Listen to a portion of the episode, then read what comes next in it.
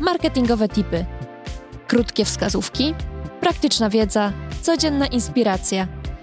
Produkcja Clever Hearted Showrunners.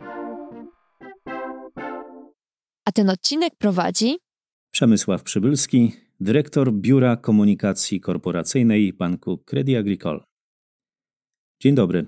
W tym odcinku odpowiem na pytanie, czy CSR jest marketingowym game changerem, czy zwykłą ściemą.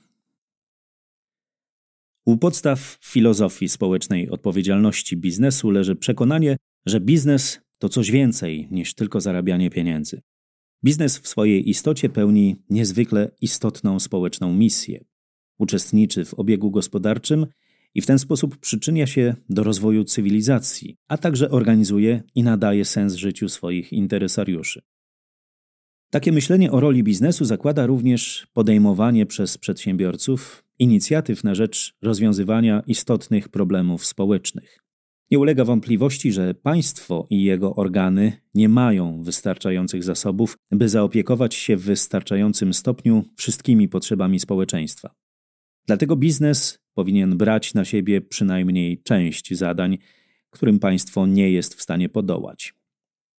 Każdy przedsiębiorca może wybrać własny obszar zaangażowania, który najbardziej mu odpowiada. Ważne jest, by zaangażowanie to powiązane było z obszarem aktywności biznesowej i by można było je w naturalny sposób powiązać ze strategią firmy. Potrzebna jest też konsekwencja i spójność w działaniu.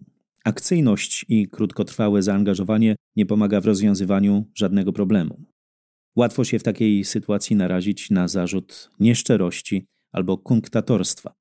Podobne ryzyko występuje, gdy działalności społecznej biznesu brakuje transparentności albo spójności. Szeroko nagłaśniane sadzenie lasu nie przykryje spuszczania nieoczyszczonych ścieków do rzeki, a wizyty w domach dziecka nie zastąpią skutecznej polityki przeciwdziałania mobbingowi w firmie.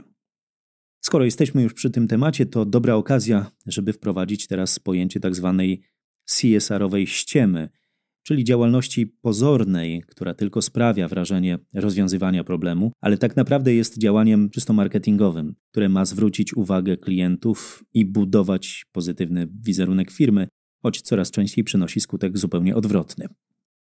Najczęściej takie pozorne działania sugerują troskę firmy o ochronę środowiska. Mówimy wtedy o greenwashingu, czyli ekościemie. Anna Kula z agencji Kula PR Zwraca uwagę, że pojęcie to dotyczy przede wszystkim dużych firm i nie obejmuje osób indywidualnych. Po drugie, greenwashing ma związek nie tyle z samym działaniem, co z komunikowaniem tego działania. Polega na zafałszowaniu obrazu i wywołaniu mylnego wrażenia, że dana firma robi więcej dla ochrony środowiska niż robi w rzeczywistości.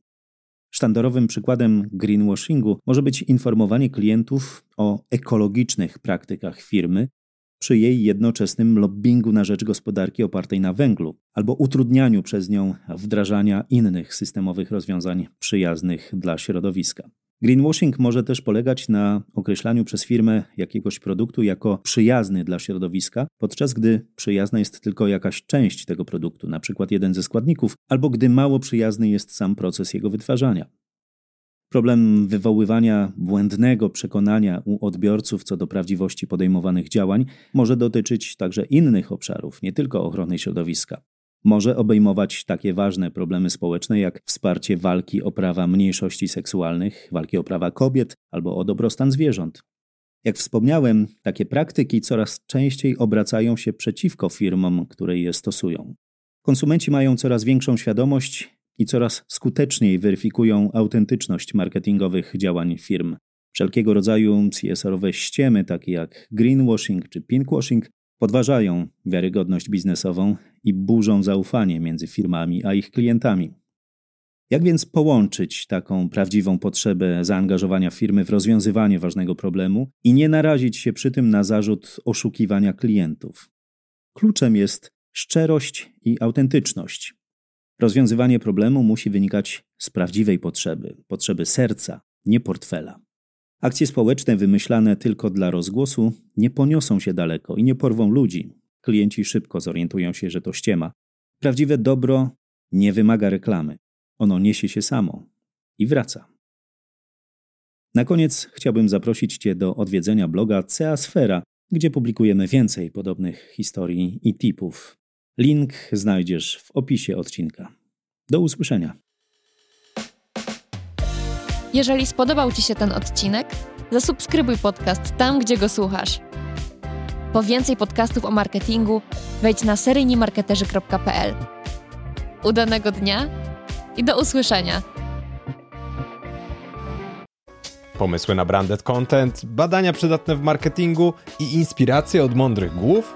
To wszystko i więcej znajdziesz co dwa tygodnie w newsletterze Cliffhanger. Zapisz się za darmo na seryjnimarketerzy.pl łamane przez newsletter.